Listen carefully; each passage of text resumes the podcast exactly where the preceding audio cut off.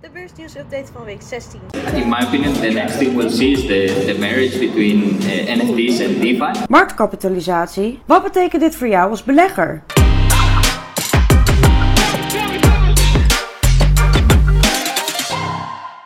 Een impressie van het DevConnect Event ETH Day.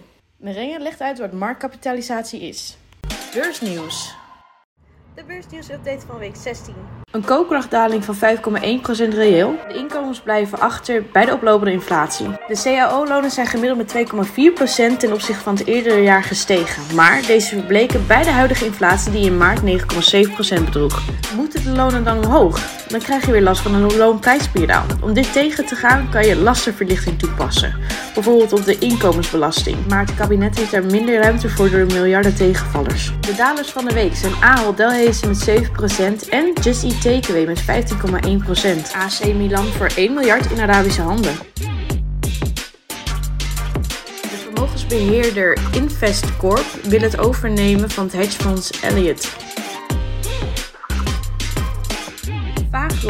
Onderneming in farmaceutische bereidingen, biedt potentie. De groei kan al uit op 7,6%, maar het aandeel zou nog verder kunnen groeien van 18,03 euro naar 23 euro. Crypto. Ik sta hier voor het Transformatorhuis, want hier vindt ETH Day plaats. Het is eigenlijk de start van de week van DevConnect. Um, een week vol crypto-events. Het is georganiseerd door de Ethereum Foundation. En even kijken wat er allemaal gaat gebeuren.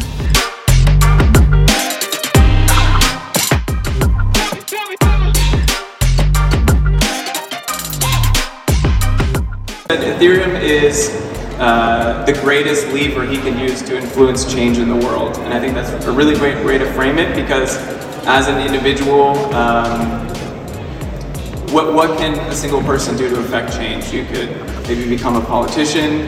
Uh, not, not many people are cut out for that. Um, you could, you know, start a nonprofit. There, there are challenges associated with that. You can work individually in your own community, but working in Ethereum specifically, um, as I imagine many of you are working in, uh, it's, it's a way to be a part of shaping the future. And like, like Piper said, it's the way that you can, the greatest way to leverage your personal actions into global change. I work at the Ethereum Foundation. There, I run what's called the All Devs calls, which are calls where Ethereum developers get together to discuss potential changes to the protocol. I see Ethereum as a sort of economic layer that's separated from the geographical countries and boundaries that we have, um, where we can run really interesting experiments, uh, build new types of organizations, and try them in like a context that is a bit separate from the real world. So if we break things, it's not too bad. Um, but then if we come up with cool ideas and, and new mechanisms, uh, ideally we can you know try them at scale and, and eventually kind of uh, export them to governments and companies uh, operating outside of Ethereum. That's very interesting. And I also read something about um, the Ethereum blockchain. It was renewed, or it's like better now.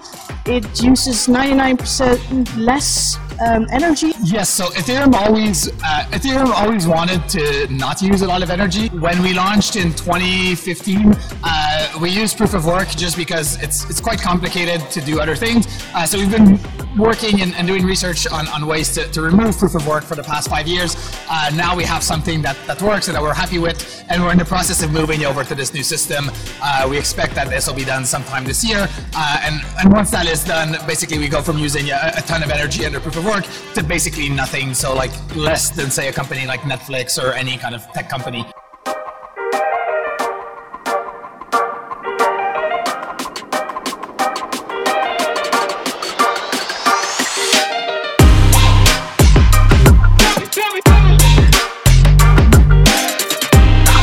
Last three years, I've built this design studio. That's it's it's product design or brand design now. To the outside, it looks like a traditional design studio, but to the inside, it actually resembles this uh, like infrastructure that we want to call a DAO. So it's only independent contractors, but they still retain a very high quality uh, output of work, and they are a community that has shared ownership of the entire studio.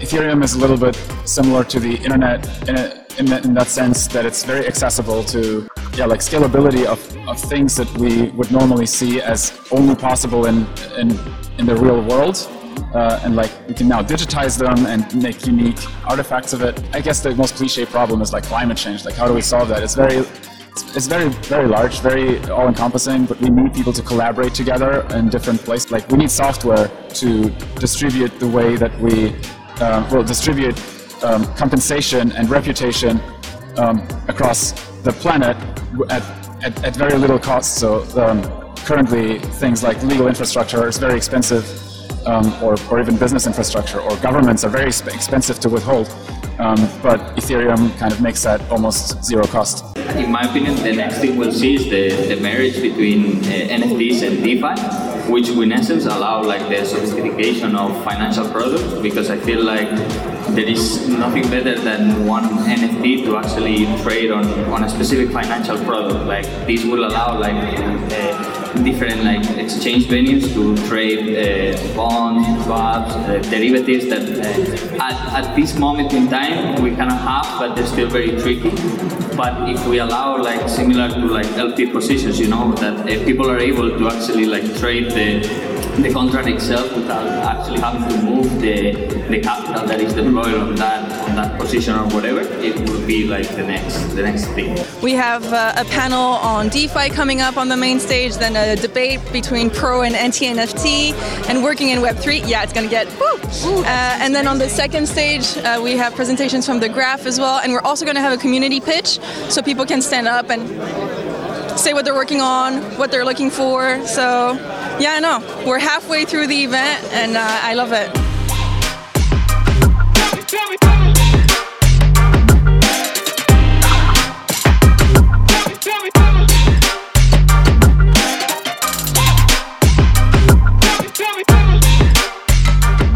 Culture is a series of companies. It's a venture capital firm, it's a staking platform, it's a creative agency.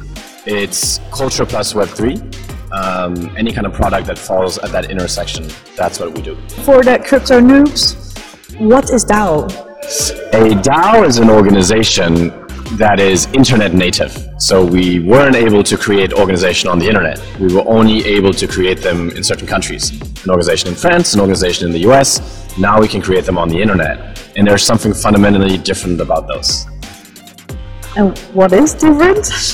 One thing that's different is that they have what we call trust guarantees, so automated processes that you cannot have in organizations that are not on the internet. Number two, people can participate and they can leave organizations or like DAOs in ways that they cannot in real life organizations. Um, because it's much more difficult to get out, to both get into an organization and to get out than it is through the click of a few buttons. Ethereum to me is like an early version of a website protocol. So I think what we are creating is a new type of internet.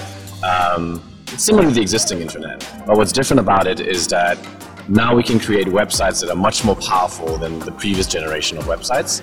And so what Ethereum means to me is really a world where we can transact value online in ways we couldn't before. I don't show up at my bank anymore. I don't want to, right?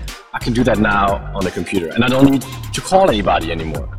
Every transaction I do always goes through. And literally every week I have problems with banks. You know, I don't have ever any problems with Ethereum powered websites.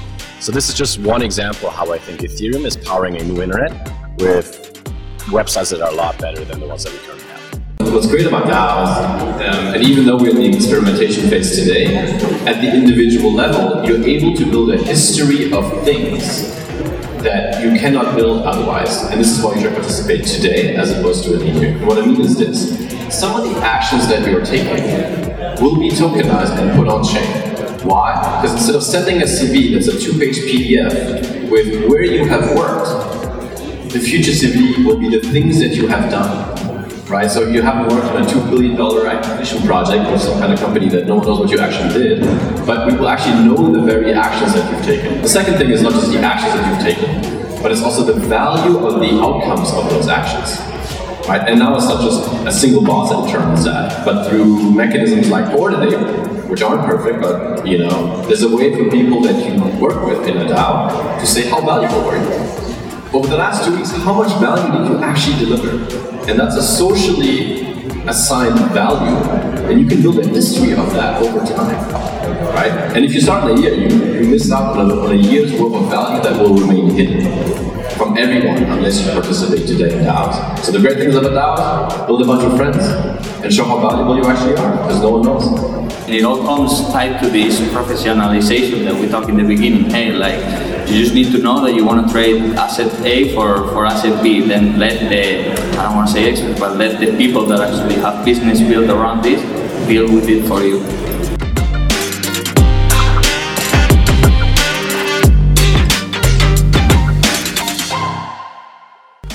Fire. Marktkapitalisatie, beurswaarde, market cap. Wat betekent dit voor jou als belegger? En hoe kan jij dit toepassen in de praktijk? Wanneer wordt gesproken over het grootste bedrijf ter wereld, dan slaat dit meestal op de marktkapitalisatie. De huidige beurswaarde keer het totaal uitstaande aandelen. Marktkapitalisatie is in te delen in drie categorieën. Elke categorie kan kenmerken bevatten die interessant kunnen zijn voor jou als belegger. Zo heb je de large caps, de mid caps en als laatste de small caps.